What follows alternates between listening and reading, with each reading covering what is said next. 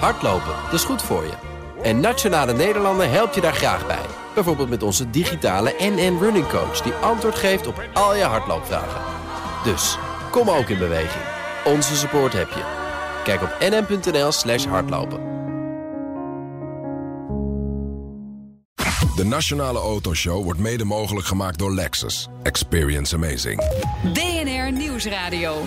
De Nationale Autoshow. Meindert en Wouter. Europa zet zich schrap voor de Brexit. Maar wat zijn de gevolgen voor de autobranche? Ja, goede vraag. En nieuwe Oh, auto's zijn allemaal connected, maar die voertuigdata, is die wel beschermd? Ja, is die van jou? Is die van mij? Ja. Is die van de fabrikant? Ja, is die van de auto? Ja, Oeh. Ja, spannend weer, hè? Ja, welkom. Een uur lang alles over auto's. Hier op BNR. Wil je reageren? Dat kan natuurlijk. Ja, dan drukt Wouter altijd even op de knop. Ja, ik was te langzaam vandaag. Twitter, het ja. BNR Autoshow. En je moet ons even volgen. Hè? Want we hebben een missie, Wouter. ja, is dat zo? Ja, we hebben een missie. We staan eh, nu op eh, ruim 7900 nog wat, 800 nog wat eh, volgers. We Oh, willen naar de 8000. 8000. Ja, Deze we- maand. We willen, oh, deze, ja, we willen ook wel naar de 10.000. Maar ja, dat wordt, ja, eh, dat kan. Dat wordt lastiger om dat nog even te halen. Nog 108 te gaan. Nou, dat moet lukken. Oh, ja, moet lukken. Ja. Moet lukken. Dus volg ons, het BNR Autoshow. Zometeen nieuws over de belasting op de aanschaf van een nieuwe auto, de BPM. Ja, en deel 2.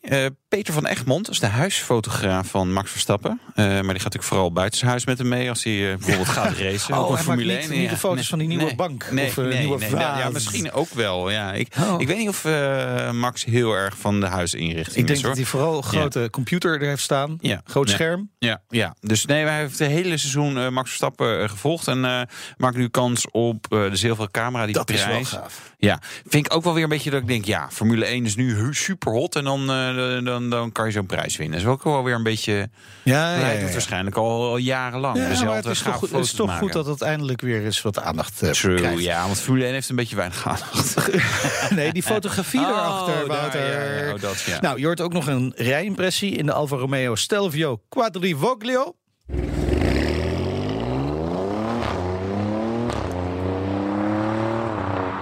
V6 510 pk is op zich voldoende. Ja, voldoende. Ja, voldoende. Net aan. Ja, net aan. Ja, het is wel een SUV, een zware auto. Dus eh, hè, Ja, ik heb oké. 100 pk erbij. Dat was. eh nee. Dit is prima. Dit is prima. Dat straks. We beginnen vandaag met de autolobby in Europa. Te gast dit half uur Arnold Koopmans. Hij is Executive Vice President bij de SECRA. Welkom. We gaan eh, tutoyeren, dat hebben we afgesproken. Je hebt de dagelijkse leiding in handen bij SECRA. Ja, dat klopt. Wat betekent dat? Dat betekent eigenlijk dat eh, de mensen daar het werk doen... en dat ik af en toe gebeld word om te vragen of het goed is. Oké. dat is fijn. Een heerlijke baan lijkt ja, me dat. nee, dat zou wat voor ons zijn. Ja, zeker.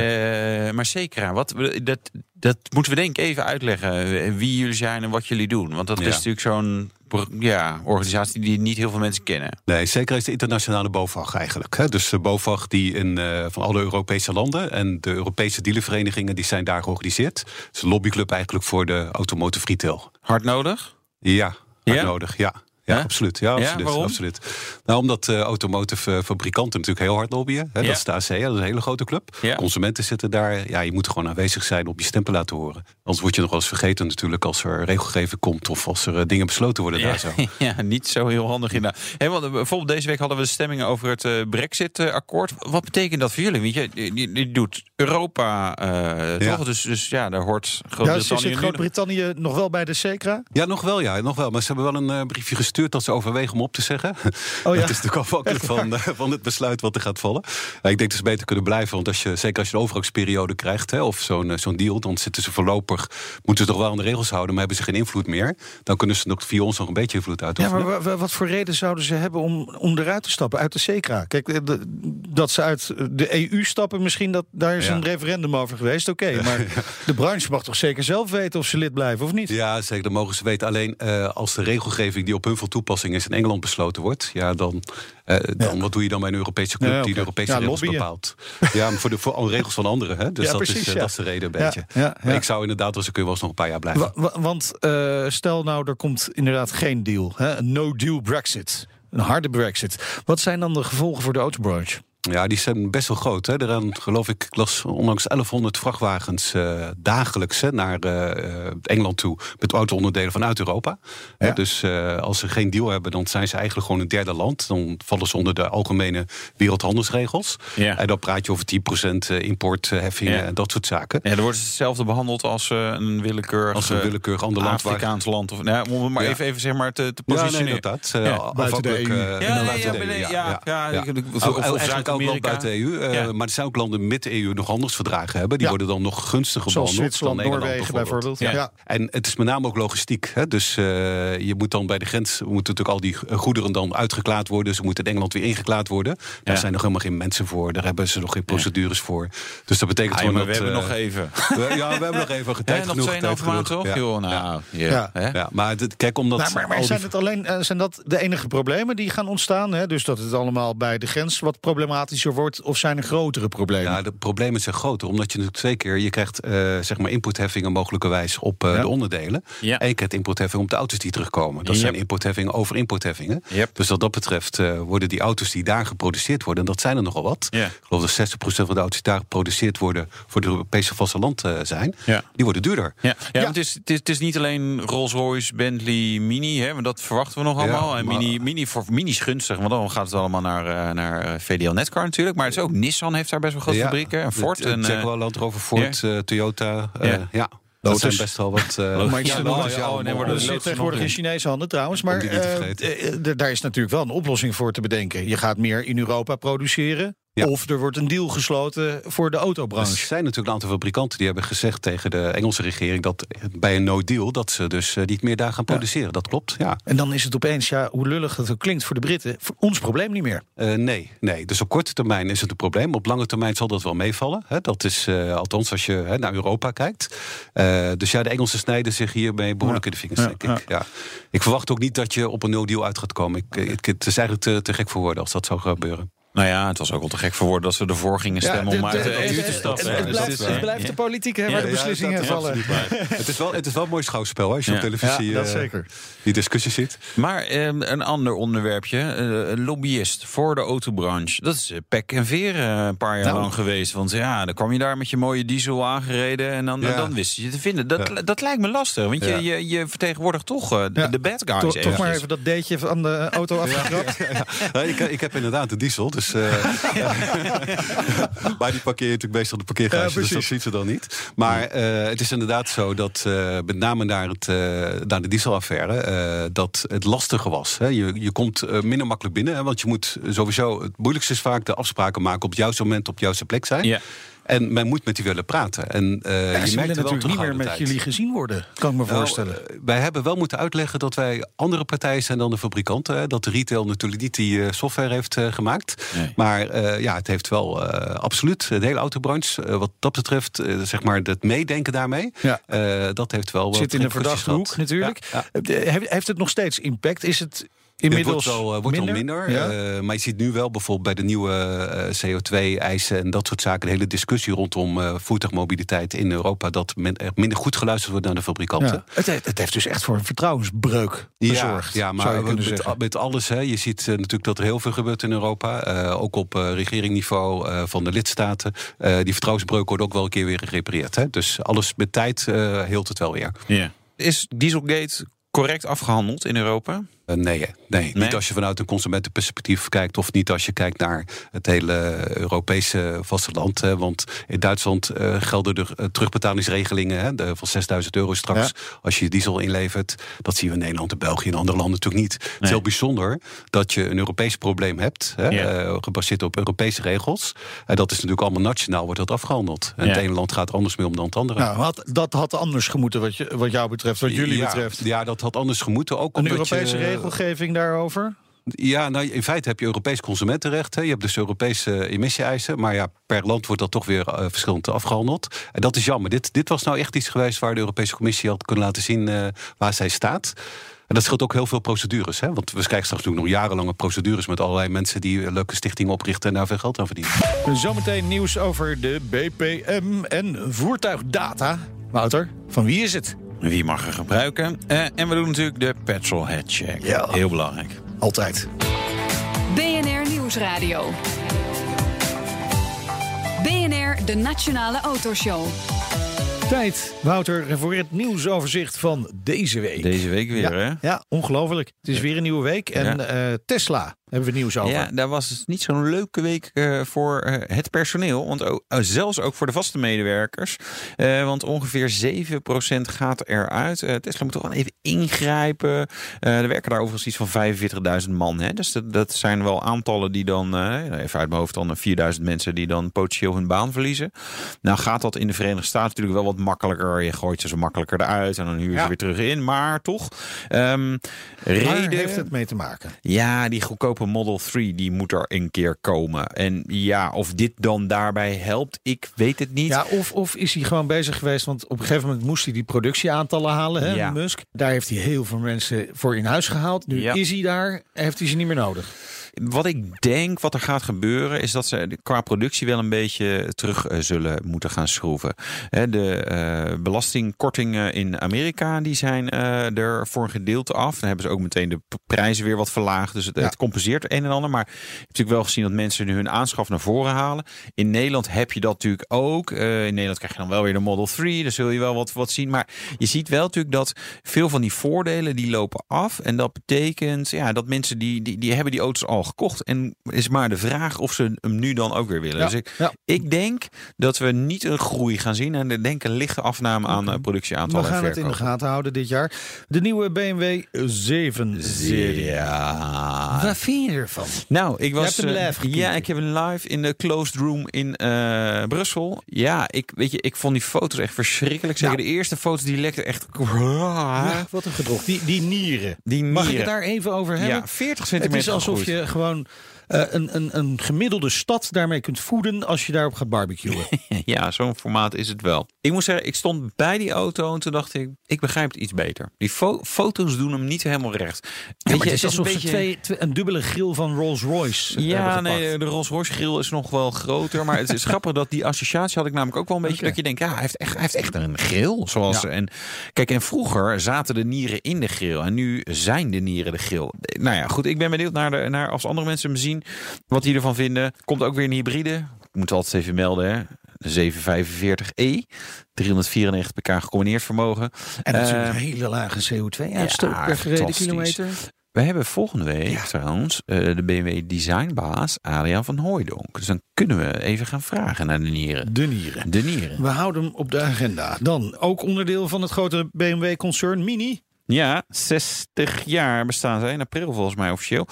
Een 60 year edition eh, komt er. Sterker nog, ik heb ernaast gestaan vanochtend. Ehm, British Racing Green. bij, ja, ik ben overal bij. Zeker BMW Mini. Ik ben er zit er zo dik in. Gave uitvoering. Ja. Gewoon met, ja, weet je, dat, dat Racing Green, hè, dus donkergroen, eh gave velgen, mooi interieur met ook weer, eh, weet je, groene stiksels en zo. Echt wel gewoon gaaf gedaan. En komt ook gewoon in Nederland als Cooper, Cooper S, Cooper D, Cooper SD. ik weet niet of er nog iemand diesels Hey, maar goed. Het is koud deze week in Ja. Nederland. Hè? En dan merk je dat al die elektrische auto's toch net iets minder ver komen. Ja. Nou heeft ANWB daar mogelijk een oplossing voor in de toekomst. Want die gaat problemen met accu's voorspellen. Ja. Dus ze hangen een thermometer op aan de muur. Ja. En dan, ah, ja, Nee. vandaag is het min nee, nee, 5. kijk, je kunt dus met ANWB Connected, dat is zo'n dongel, die heb ik trouwens ook nog in mijn auto liggen. Hij zit niet in mijn ODB-poort. Wordt eh, smart. Soort smart, ja. En die heeft dan connectie zeg maar met, eh, met de ANWB-servers.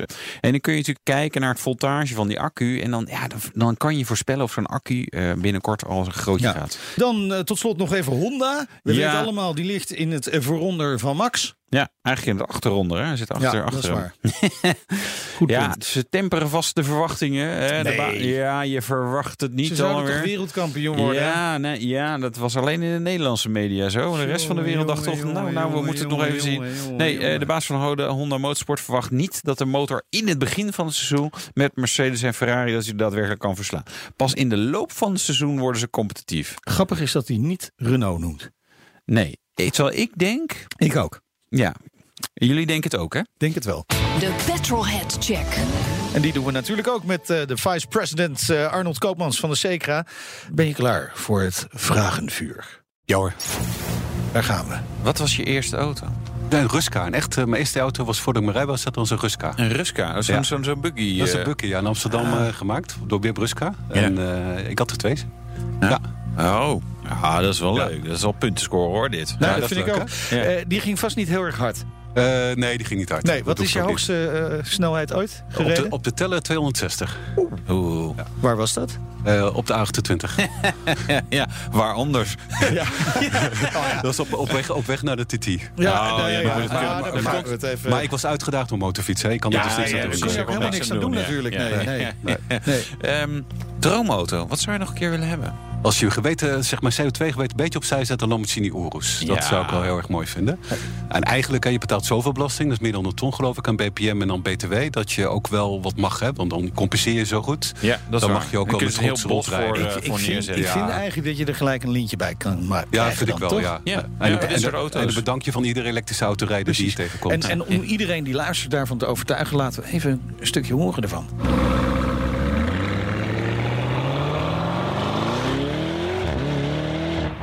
Het enige wat je hiernaast nog nodig hebt, is een device waar je de podcast op kunt luisteren van de Autoshow. Ja. Hè? Nou, en dat is een radio. Ja. wat eh, maken we ervan, eh Wouter? ja, dit is een topper natuurlijk. Uitmunten, denk ik. Uitmuntend. Dat dacht ik ook. Dat was de Petrolhead Check met Arnold Koopmans. Zij is Executive Vice President bij de SECRA, de Europese koepelorganisatie van autobedrijven en merkdealers. Zoals gezegd, we gaan het even over de BPM hebben. Misschien niet een enorm favoriet onderwerp. Ook niet eh, voor iemand die eh, voor de SECRA werkt, of juist wel. Ja, het, het is een onderwerp wat toch een stuk van straat houdt. Hè? Je Ja. moet altijd kijken van eh, waar, waardoor je wordt je aan het werk gehouden. Nou, en, eh, dit is er wel maar, eh, maar BPM, ja nee, wat mij betreft zou de BPM al, lang afgeschaft moeten zijn. Alleen wat je nu wel ziet is natuurlijk dat dit natuurlijk een gouden knoppenbord is voor de overheid in het hele CO2-beleid. Ja, Ik bedoel, ja. je kunt natuurlijk heel erg sturen vanuit die BPM. Ja, de BPM, belasting op de aanschaf van een nieuwe auto. En die is in Nederland gekoppeld aan de CO2-uitstoot van de auto, de gemiddelde. Wouter, we hebben ook wat cijfers opgevraagd hè, bij VWE Automotive. En wat blijkt? Ja, nou, het is niet gedaald, hè? Nee, goh, verrassend. nee, in 2018 haalde de overheid eh, bijna 2,2 miljard euro aan BPM op. Eh, dat is 13% meer dan in 2017. Wat dan wel weer leuk is, hè? Want wij hebben eh, de staatssecretaris Wiebes hier gehad. Die zei echt, gaat ieder jaar 12% omlaag. Ik moet, hem misschien even verschil uitleggen tussen omlaag en omhoog. Eh want 245 miljoen dus meer dan in 2017. Ja, 4800 euro gemiddeld per auto. is ook gewoon 200 euro Ja, gestegen. maar waar, waar komt dat dan vandaan? Hoe verklaar die, je dit? Die, die, nee, die tarieven... Die, de, Zijn de- er gewoon meer auto's verkocht? ja, ja, dat 8%? Ja, is een verklaring. Maar de- Meer elektrisch? de- ja, maar daar zit dus niks op. Dus Nee. er is meer elektrisch Dus verkocht, zou daar zit er niks op. Ja. Ja? Nee, kijk, we kopen ook meer crossovers en SUV's. Hè. Dat is natuurlijk het verhaal van de overheid. Maar het is ook heel simpel. Iedere auto die op de Nederlandse markt is, is gewoon meer belasting op, opgekomen. BPM opgekomen. Er is, geen, er is bijna geen enkele auto die... de nieuwe testcyclus, Ja, die- die, die- WLTP, WLTP, die ongunstiger uitkomt Ja, en- voor die auto's. De, de, de, schijven die worden strenger, dus je zit- zit sneller in een, in een hoger tarief. Weet je, en ik maar het- zaten, zaten we op de oude testcyclus, zouden we dan nog, zou dat BPM dan wel omlaag zijn gegaan? Nee, nee, nee, nee, nee. Want ze zeggen van nee, maar die auto's worden allemaal zuiniger, zuiniger, zuiniger. Dus we kunnen, het, we kunnen wat meer belasting gaan heffen per grammetje CO2. Alleen het is gewoon niet zo Ja. dat het daalt. Arnold, jij hebt ook gekeken naar deze cijfers. Ja. Wa- Wat vind je ervan? Ja, kijk, waar het om gaat is dat de BPM-schijven worden inderdaad sneller aangepast. Hè? Dus dat betekent dat je met een lagere CO2-soort meer belasting moet betalen... Ja. dan dat de auto's zuiniger worden. En dat Ja. maakt de gemiddelde prijs, hè, of de gemiddelde bijdrage aan de BPM per auto dit hoger. gaat de, de normale consument niet volgen. Nee, nee, maar dat is, dat is helemaal niks zo. van. Je ziet alleen maar, zou, eh, die auto wordt duurder. Ja, die auto wordt duurder. En dat is gewoon vervelend. En je, je ziet dit jaar weer met de WLTP. Hè. Dat betekent dus dat eh, de auto's op een andere manier getest worden. Nou, we zouden een eh, budgetair neutrale overgang krijgen naar, eh, eh, naar het komende jaar. En je ziet ook weer dat eh, voor heel veel auto's, en gemiddeld gesproken, dat toch weer omhoog gaat. Ook door die WLTP. En dan nog een keer de autonome ontwikkeling door die aanpassing van die schijven. Dus auto's worden weer duurder. Ja. En als je dat vergelijkt met onze buurlanden, België en, en, en, en Duitsland, ja, dan word je af en toe wel eens een beetje verdrietig inderdaad. Ja. Nou, weet je wat ik eigenlijk misschien nog wat ergst vind? Is dat ook de, de weet je, ik noem maar even de Volkswagen Up en de, de, en de, de Hyundai i10. Dat soort auto's die eigenlijk, zeg maar, natuurlijk, waarvan iedereen kan, kan aanvoelen, het is haar hartstikke zuinig. Ja, het is het is gewoon, klein, het is, het is licht, klein, klein licht. motortje. Ook die, die zijn zeg maar ook in de afgelopen jaren gewoon echt duizenden euro's omhoog gegaan. Het is allemaal belasting. Ik denk, ja, ja weet je, wa- wa- waar stuur je dan op? Weet je, dan ben je een eigen, le- moet, iedereen moet in een EV. Hè? Dus, maar dat, Auto's delen. Ja, precies. maar, maar je stuurt echt niet op uh, lagere CO2-uitstoot. Hè? Want nee. uh, we rijden gemiddeld in oudere auto's dan in de, in de rest van Europa. Ja. Uh, en terwijl we toch een welvarend land zijn, een van de meest welvarende landen binnen Europa. Maar dat komt gewoon omdat die auto's zo duur zijn. Ja. En autorijden ook, hè? want we betalen ook veel wegenbelasting en zo Ja. natuurlijk. Dus wat dat betreft Flink zou je volgens ook. mij eh, veel beter kunnen sturen op, een, eh, op, op jongere, eh, jongere auto's en jonger wagenpark. En mensen dus gelegenheid geven om CO2 lager uitstotende auto's te kopen. Dat is, eh, en dat is niet deze manier. Nee. Die bedoel ik. Ja. Ja, Ron Vervoort eh, die, eh, komt ook eh, met een opmerking erover. Maar die zegt, de, de overheid blijkt onbetrouwbaar. Maar dat wisten we al, zegt hij. I- Is dat inderdaad een opmerking die je ondersteunt? Als lobbyist zul je nooit zeggen dat de overheid onbetrouwbaar is. Eh, de overheid kan natuurlijk wel eens van gedachten veranderen. Maar kijk, je zit in een politiek dynamiek speelveld. En dat maakt nog wel eens dat je nog eens moet veranderen. Eh, maar dat onbetrouwbaar kan overkomen, dat kan ik me heel goed voorstellen. Ja. Ja.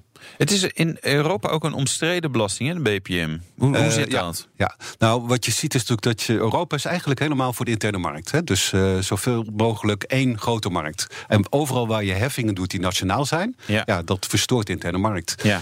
Eh, maar goed, eh, de BPM is wat dat betreft natuurlijk het verleden wel een probleem geweest. Maar dat is nu minder. Als je nu kijkt naar lokale belastingheffingen, lokale toegang met welke auto mag ik de stad in en waar eh, mag ik wel rijden, waar mag ik niet rijden, omdat ze verschillende eisen stellen. Eigenlijk is dat een veel groter probleem als we Europees zien Ja. op, voor de interne markt. Ja.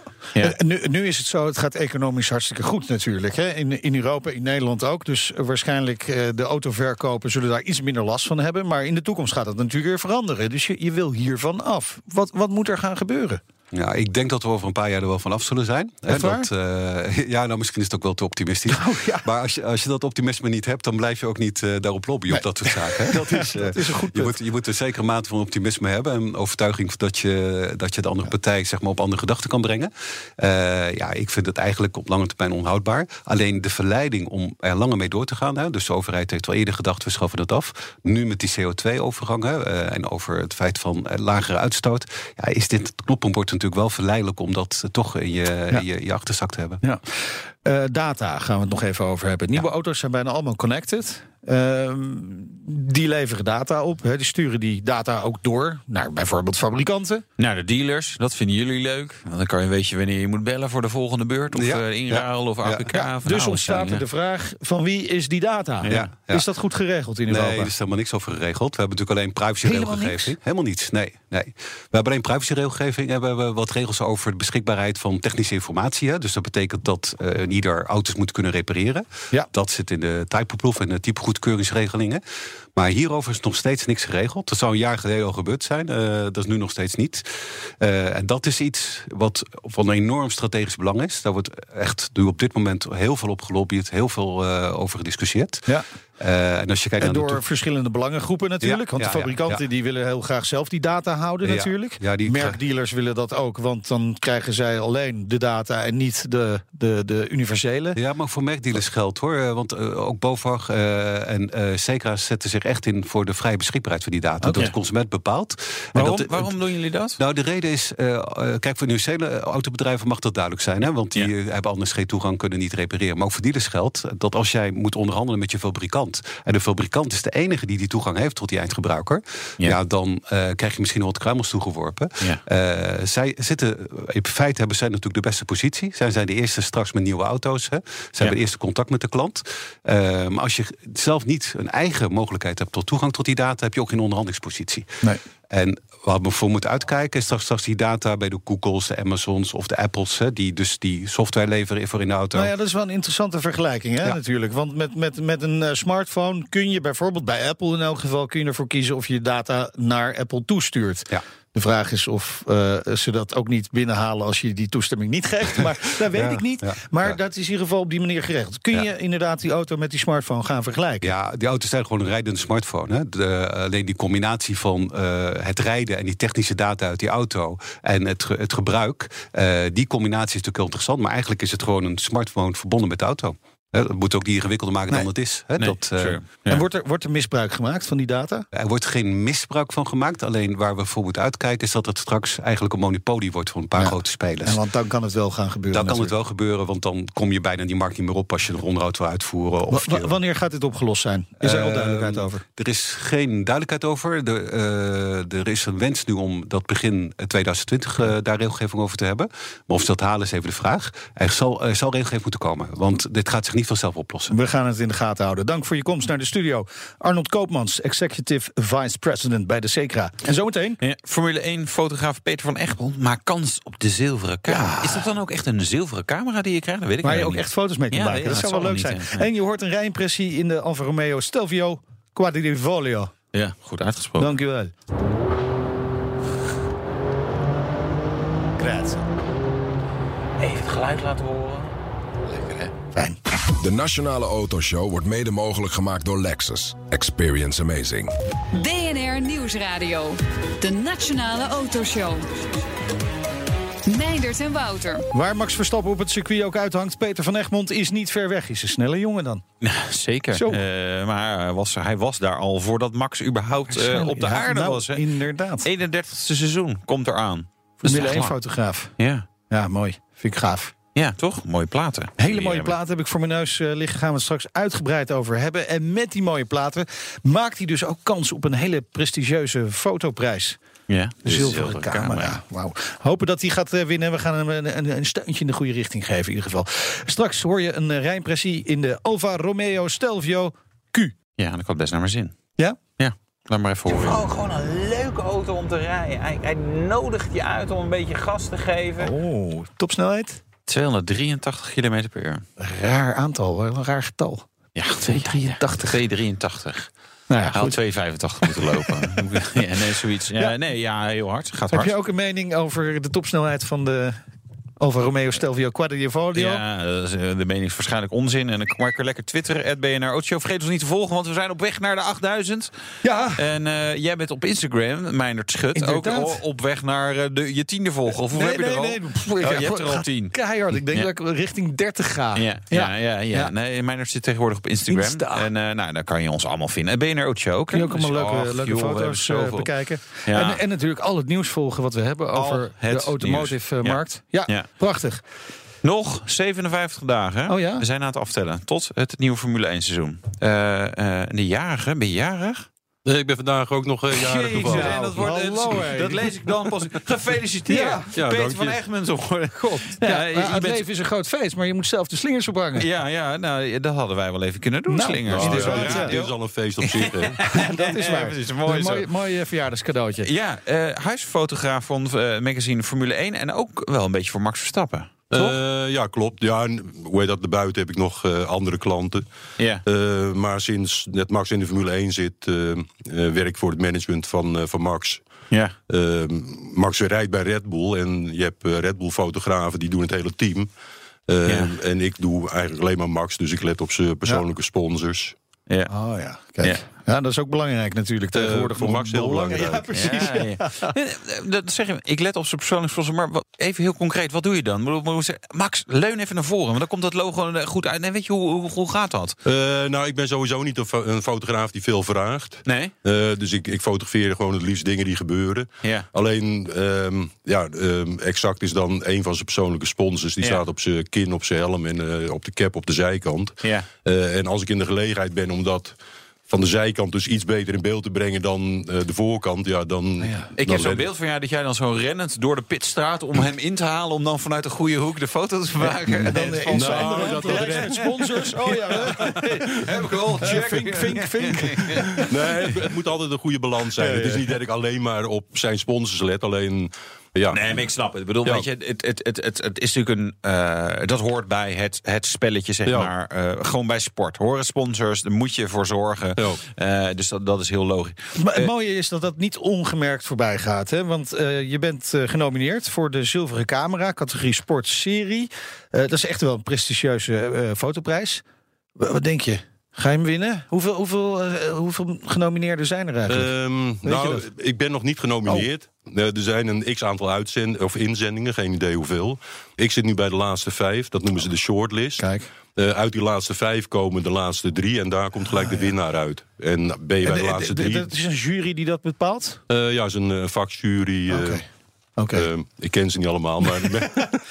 Ja, maar misschien moet je even kijken welke sponsors ze hebben. Dan kun je... nou, nee, ik denk eerlijk gezegd... eh, Ik bedoel, dat hopelijk krijg ik dan nog een keer te horen... maar dat Ja. ik eh, die foto's die ik allemaal ingestuurd heb... daar, daar, ja, dat heeft eigenlijk niks met sponsoring te maken. Ik Nee, heb juist geprobeerd de mens Max op de foto te krijgen. Ja. En, want het is natuurlijk een hele klinische sport. Ja. Ik bedoel, je ziet iedere keer een poppetje met een helm op... in een Kevlar eh, En badkuip het voorbij is komen. natuurlijk als ze helemaal niet in die auto zitten. Ja, ik, en eh, ik geloof de hele selectie, daar zit denk ik geen enkele mooie actiefoto bij. Ook wel Nee. zonde. Maar ja, misschien dat hij, Ja, net uit? Ja. dat hij net uit de auto springt in Monaco... na- nadat hij net die crash heeft gemaakt. Zat hij erbij? Eh, die zitten wel bij. ja. Ja. Maar ja, dat was weer een- voor mij een hele bijzondere foto. Want er was niemand anders die hem vanuit die hoek had. Overigens, die fotoserie die, eh, die kunnen we ook even laten zien aan eh, onze luisteraars. Dat klinkt heel gek, maar we hebben ook een website. Ja, Wouter, gaar? Oh, ja. bnr.nl slash Formule 1. Ja, Dan kun je de foto's zien eh, die dus kans maken eigenlijk die Peter heeft gemaakt. En die, die ervoor zorgen dat hij kans maakt op die zilveren camera. Hopen natuurlijk dat dat gaat lukken. Denk je ook dat het... ja, je hebt foto's natuurlijk gestuurd van Max Verstappen. Het feit dat Max waanzinnig populair is, dat, dat helpt ongetwijfeld. Ehm, het werkt in ieder geval niet tegen je. dus, Nee, nee. Maar merk, merk je ook die extra aandacht voor Formule 1 als ehm, fotograaf? Ja, zet de televisie maar aan of eh, luister maar naar de radio. Ehm, het land zit vol met eh, Ja, experts maar, maar, maar op zich, weet je, jij maakt al zo lang foto's. eh, Je blijft gewoon foto's maken. Ja. Alleen nu is het door Max extra populair in Nederland. Merk je dan ook voor jouw eigen werk meer aandacht? Ehm, wel meer aandacht, maar qua omzet, om eerlijk te zeggen, valt het eigenlijk nog tegen. Hey, nou, oproepje. Nee, eh, ja. Nee, maar dat, dat, eh, Nee, het komt gewoon in het hele. Eh, de wereld, eh, ja, digitale wereld. Ja. Is een stuk, ik ben natuurlijk al heel lang bezig. Toen werkte ik nog op film. Ja. Nu is het. eh, Allemaal digitaal. ja, eh, hoe Ja. heet dat? Sales van bladen en, en ja. kranten lopen terug. Ja. Adverteerders lopen terug.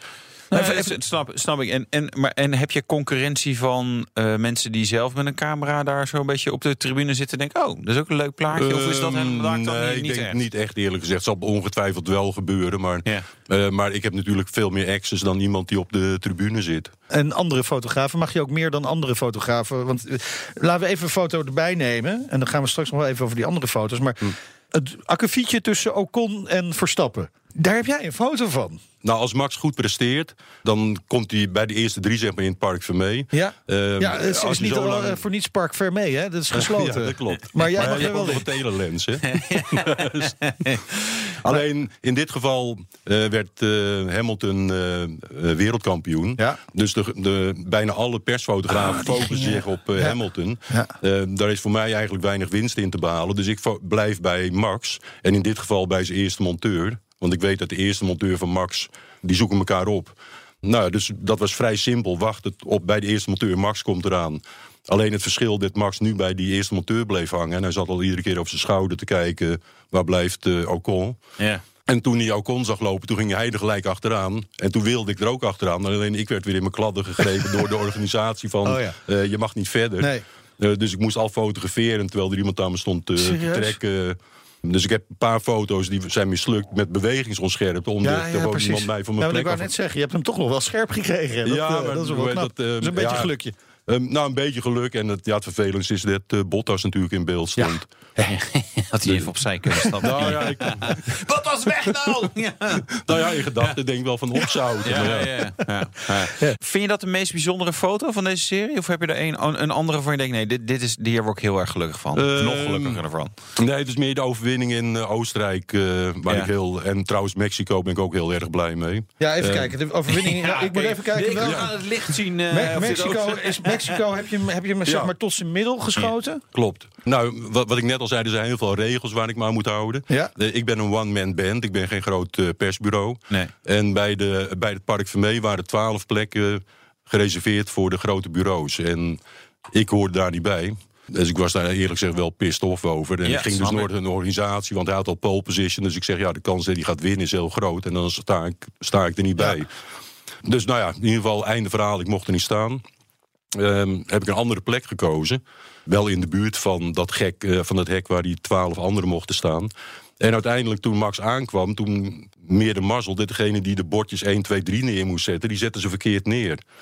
Goed voor mij, maar verkeerd ja. voor die andere twaalf. Oh, Alleen ik had een hek ertussen, dus ik heb mijn zonnekap eraf gehaald... Ja. en eh, een lens tegen het hek aangedrukt... en door het hek deze foto gemaakt. Wauw. En zo laag mogelijk gegaan om publiek in de achtergrond te krijgen. En eh, ja, een soort zoete wraak naar die, eh, naar die andere Ah, dat maakt twaalf. hem extra leuk. Dat vind ik altijd wel. Maar dat bedoel ik. ja, ja, je het is je- mooi om de verhalen achter zo'n Ja, foto. Want ja. als je die foto ziet, het is een schitterend plaatje. Maar je weet niet wat, wat er achter zo'n foto schuil gaat Nee. aan verhaal. En dat, dat is wel heel bijzonder. Nogmaals, die foto's kun je dus zien op onze website bnr.nl slash eh, Formule 1. Even naar die andere foto, want dat is dan Oostenrijk. Ja, Heel druk plaatje. M- mensen kennen dat ook wel van, van, van wielrennen. Als, als de, de, de eerste man net over de streep komt. Allemaal mensen over, om hem heen. En dat is hier met Max Verstappen ook. Wa- wa- wat maakt dit plaatje zo mooi nou ja, betreft? sowieso dat buiten die, de overwinning. Ja, hij heeft natuurlijk al een tijd droog gestaan Ja. qua succes. En hier ging het allemaal zijn goede kant op. Die man eh, die schreeuwt, dat is trouwens de eerste monteur, Lee Ah, die- dus die volg jij altijd. Ah. En ehm, ja, hier, dit plaatje, het geeft blijdschap aan, maar ook de totale chaos. Maar ik vind het eerlijk gezegd heerlijk om in die chaos te storten. En heel- ik, ja, ik neem dus heel veel risico, dus met een groothoek genomen. Bijvoorbeeld die man links in beeld. Ja, Ja, die, waarschijnlijk de volgende opname verprutst hij helemaal mijn ja foto. precies. En hier is het nog net goed. Eh, dus ik had op safe kunnen gaan en op een afstandje vanaf de perstribune met een telelens dat te fotograferen. Maar ja, ik vind het gewoon lekker om, eh, om mee te duwen en te dringen. En als het dan lukt, dan is, de, dan is het Dan is het alleen goud. maar mooier. Ja, en het grappige is, Max Verstappen heeft hier gewoon zijn helm nog op. Maar je ziet aan het plaatje eromheen dat hij gewonnen heeft. En dat en, er dus eh, en er is niks aan. Ja, het is gewoon natuur wat op dat Ja. moment. weet je, wel, het is niet van oog even staan en doe je duim even in de lucht. Nee. eh. Nou, de plaatjes, eh, de foto's moet ik zeggen. Ja, het zijn geen plaatjes meer, het zijn echt foto's. Ze staan ook op, op ons Twitter-kanaal. Kun je je volgen? Het BNR Autoshow. Doen. Zometeen, met welke foto heeft Peter van Egmond het meeste geld verdiend? Nou, hij geeft zo toch nog het antwoord. En Wouter? Ja, rijimpressie. inderdaad. Stelvio Q. Vet. BNR Nieuwsradio. De Nationale Autoshow. Tijd om te gaan rijden. De rijimpressie. En Wouter die temt de Alfa Romeo Stelvio Q, de Quadrifoglio. Of temt de auto Wouter. Kan haast niet, hè? Ja, een Stelvio, dat is een pas die volgens mij één keer in je leven, minimaal één keer in je leven, moet hebben gereden. En als Alfa Romeo een, een auto vernoemt naar die pas, ja, dan verwacht je wel wat. Maar het is tegelijkertijd een SUV. En SUV's en die crossovers, die dingen, weet je, qua sturen niet altijd het meest briljante. Tot Alfa met de Stelvio Q kwam. Dit is de Stelvio Q. Klavertje 4. Voorheen heette dat Quadrifoglio Verde. Maar ja, een, een verde betekent groen in het Italiaans. En dat was een beetje dubbelop. Want al die eh klavertjes 4 zijn altijd al groen. Dit is echt het topmodel op dit moment van de Alfa Romeo Stelvio. Eigenlijk ja, het kloppen hard. Letterlijk soms kloppend. En vooral uitschreeuwend. Van de Stelvio Q. Een door Ferrari ontwikkelde V6. Dit is feitelijk ja, de Ferrari V8 zoals we die vinden. De 488, de Portofino in de GTC 4 Lusso. Maar dan minus twee cilinders. Zo houden we een V6 over. Mooie technologie, aluminiumblok. Meer dan genoeg vermogen is er overgebleven. Sterker nog, ik denk dat ze zelfs een beetje geschrokken ervan zijn. En dachten van nou, moeten die jongens van Alfa Romeo ook weer niet te veel geven. 510 pk in ja, zo'n D-segment SUV. Dus niet zo'n allergrootste, maar gewoon ja, maatje Audi Q5, Porsche Macan, Volvo XC60. eh, wat hebben we nog meer? Nou, van alles. Mercedes GLC. Dus dat is wel echt veel vermogen. Dat betekent ook dat die auto ook echt heel snel is. 283 km per uur topsnelheid, 3,8 seconden naar de 100. En ja, dat vertelt eigenlijk niet eens het hele verhaal. Het is vooral gewoon een leuke auto om te rijden. Hij, hij nodigt je uit om een beetje gas te geven. Mooie ondersteltechnologie. Veel gebruikt ook van aluminium, zodat die auto ook wat lichter is. Maar bijvoorbeeld ook een carbon cardan-as, zodat ook daar weer wat gewicht is bespaard. Ja, nou, dus hij wil gewoon graag boven in de toeren, dan is het helemaal feest. Onderin is hij gewoon achterlijk snel. En bovenin is het bloedverziekerd snel. Misschien moet ik het zo het beste omschrijven. Het is een lekker pretpakket. Met een aantal nadelen. Het is natuurlijk een Alfa Romeo, dus je wacht altijd weer op de nadelen. Op de dingen die niet helemaal goed zijn. Of helemaal niet goed zijn.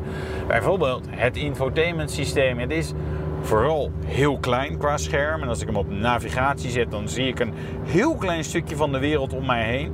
Wat prima is als je in de stad moet weten welke afslag je precies hebt. En dan zitten dingen soms van 50 meter van elkaar. Maar als je in het land rijdt en denkt van... goh, moet ik ongeveer die kant op of ongeveer die kant? Waar ben ik een beetje in het land? Ja, daar heb je helemaal niks aan. Die kaart kan je verder eigenlijk niet raadplegen. En tegelijkertijd is dit een auto die wel ja, inspireert. Vooral als ik nu tunnel in kan en dan gaan mensen opzij.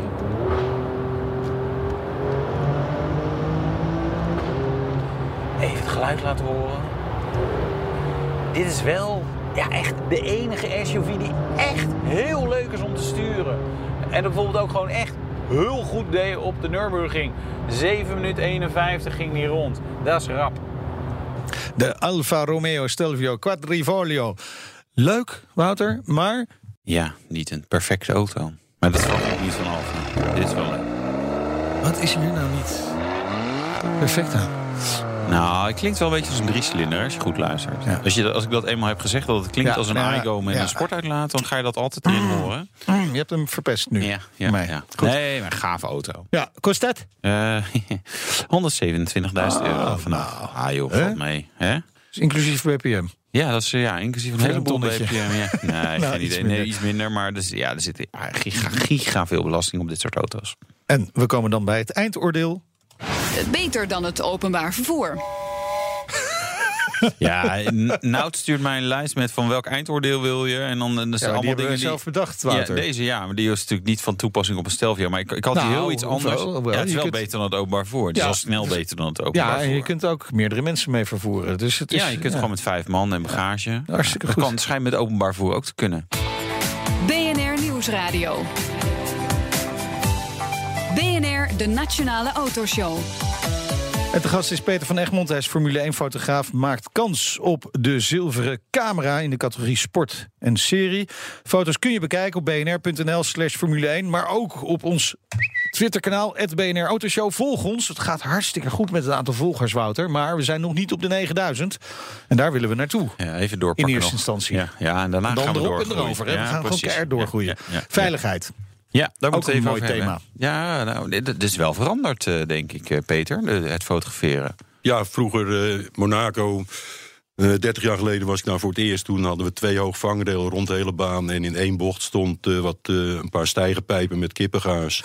en nou ja, niet overdreven, dat was het ook gewoon. En daar stond je waarschijnlijk gewoon overheen eh, te hangen... om de perfecte eh, Eh, foto ja. te maken. En nu staat er overal eh, hek en eh, ja, wordt het fotograferen gewoon... eh, het circuit is niet veranderd, alleen we komen er Ja. gewoon niet meer bij. Ja, dus er mocht vroeger veel meer dan nu. Eh, laten we even kijken naar, eh, naar, naar zo'n moment van vroeger. Monza, 1993. Waarschijnlijk herinner je het als de dag van gisteren... want je kroop ja. door het oog van de naald daar. Klopt. Wat gebeurde er? Jean Alesi had eh pole position in eh, Ferrari. Eh Gerard Bergers, teamgenoot, ook Ferrari, zat nog in zijn snelle rondje. Ik had een 700 mm, de 500 mm met converter erop. En ik zocht Alesi in mijn shot. En die kwam eigenlijk over een soort heuveltje. Dus heel laat zou ik hem pas zien. Dus ik was heel gefocust in het zoeken van hem. Nou, ik had hem nog steeds niet in beeld, maar ik hoorde iets. En ik keek over mijn camera. En terwijl ik over mijn camera heen kijk, zie ik Gerard Berger... ja, met eh, volle snelheid bijna recht op me afkomen. Hij was zo dichtbij dat ik. Het is heel bizar, maar als er. eh, op dat moment realiseerde ik me in een fractie van een seconde dat vallen geen zin meer had. Ik denk tegen de tijd dat ik. eh, dat, dat, dan is hij er al. Ja. En ik zag ook dat hij ja, een paar meter naast me in zou slaan in de vangrail. Dus ik ben ja, eigenlijk gewoon blijven staan. Ik kreeg een lading bagger over me heen. Maar bij mij ging alles goed. Bergen die hebben ze bewusteloos uit de auto kunnen halen. En ik kreeg later van een Belgisch collega die ook vlakbij me stond. Die zei van, eh, was je wel helemaal goed bij je hoofd? Waarom ben je niet, heb je niet laten vallen? En eh, ja, dat was echt heel bizar. Ja, we, we hebben geluid van dat eh, moment. Of all my quad has happened, a lazy pull right across the front of Gerhard Berger. That was not intentional. That was, I think, Ber- uh, Lazy trying to get out of the way. Berger complete.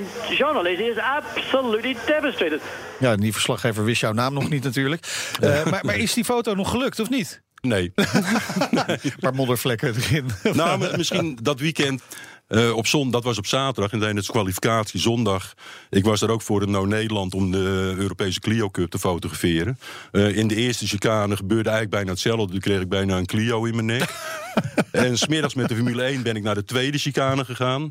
En daar maakte Senna een eh, fout terwijl hij eh, aanremde voor de tweede chicane. Zat hij aan zijn rembalans te klooien.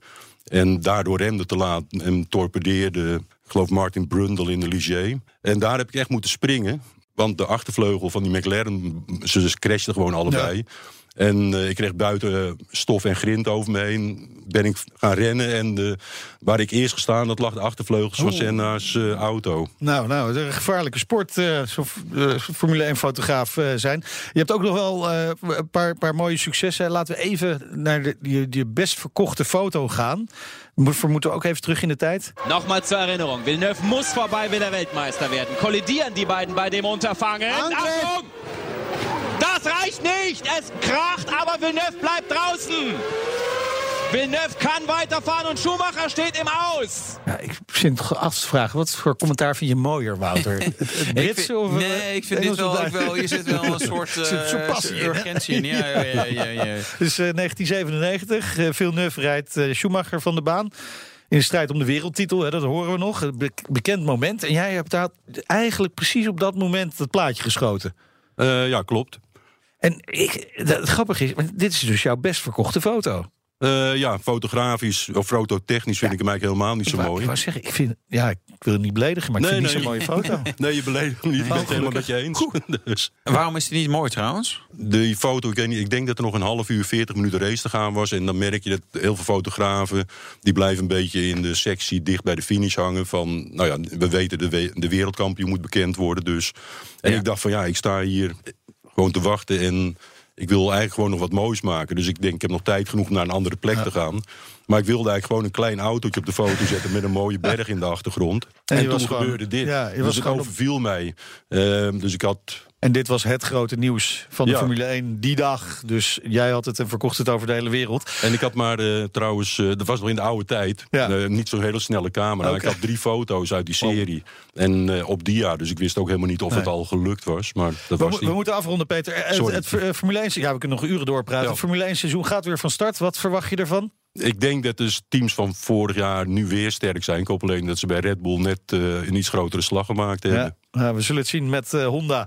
Volgende week eh, kom je ook te weten of je de zilveren kamer hebt gewonnen. We duimen natuurlijk eh, voor je. Dank voor je komst naar de studio. Peter van Egmond, Formule 1-fotograaf. Volgende week. De designbaas van de BMW Group, eh, Nederlander Adriaan van Hooydonk. Dat is heel leuk dat we die hebben. Dit was de Nationale Autoshow. Terugluisteren kan via de site, de app, iTunes of Spotify. Ik ben Meijnerd Schut. Eh, en ik ben Wouter Karsen. Tot volgende week. volgende week weer.